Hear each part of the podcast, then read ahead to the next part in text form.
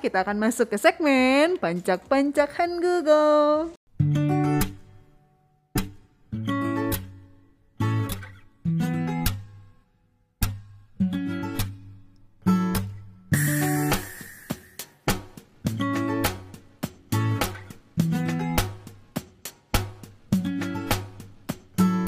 Oke, lanjut lagi deh tadi kata kalian Iya. gitu ya. Tadi mereka sudah. Nah, untuk kalian itu sebenarnya uh, kita bisa pakai kata noi.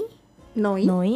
Noidel gitu biasa tambahin del. Noideren hmm. oteo gitu. Kalian gimana noidel cuman noi ini juga uh, mirip dengan uri jadi uh, cuman bisa untuk non formal atau ke yang se seumuran hmm. atau juga ke yang udah deket dan juga yang lebih muda gitu. Hmm. Penggunaan hmm. noidel ini.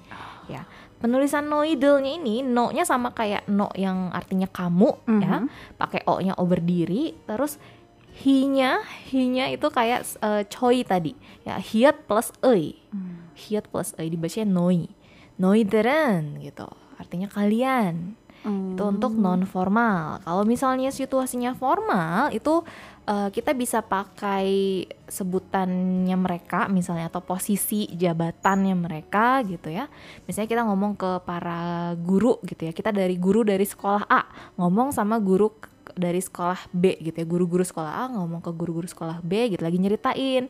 Oh, kalau di sekolah kita seperti ini. Kalau di sekolah kalian seperti apa? Hmm. nah ini kaliannya itu karena situasinya formal jadi kita bisa sebutin aja si uh, posisinya yang kita ajak bicara tuh siapa. Hmm. karena guru kan berarti son seng nim jadi kita bisa sebutin son seng nim plus del belakangnya. Sonsengnim deren ah. oteo gitu. Jadi kalau guru para guru-guru ini gimana gitu. Hmm. Ya, jadi bisa pakai seperti itu untuk bentuk formal ya. Sebutin aja jabatannya atau posisinya atau profesinya mungkin ya. Tambahkan kata de untuk membentuk kata kalian gitu.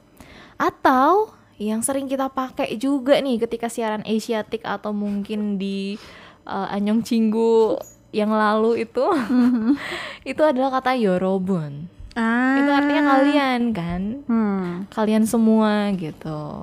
Atau nih misalnya para idol ketika menyebutkan fans-fansnya gitu, kalian udah makan belum? Atau misalnya eh, karena kalian karena karena kalian selalu mendukung kami, terima kasih gitu kan ya. Kalau di bahasa Indonesia kan suka ada disebutin seperti itu. Hmm. Nah mereka biasanya bilangnya eh, selain pakai nama fansnya sendiri ditambahkan kata de gitu ya elf elfbunderen gitu misalnya misalnya elf ya elf kan kalau di pelafalan Koreanya elf elpe bunderen gitu. Ditambahkan kata bun di belakangnya hmm. di mana bun itu adalah uh, bentuk honorifik dari saram atau orang gitu.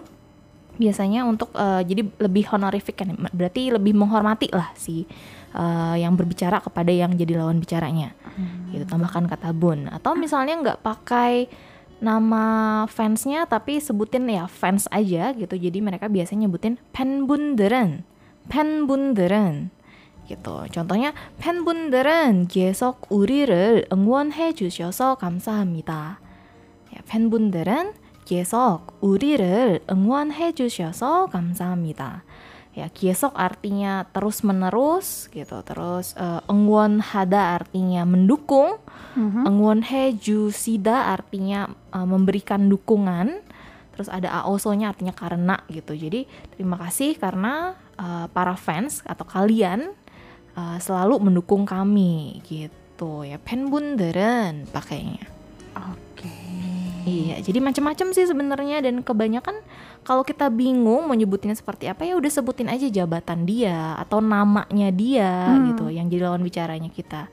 Jadi tambahkan kata del kalau orangnya banyak. Kalau misalnya cuma satu orang berarti tambahin aja she atau tadi nim gitu.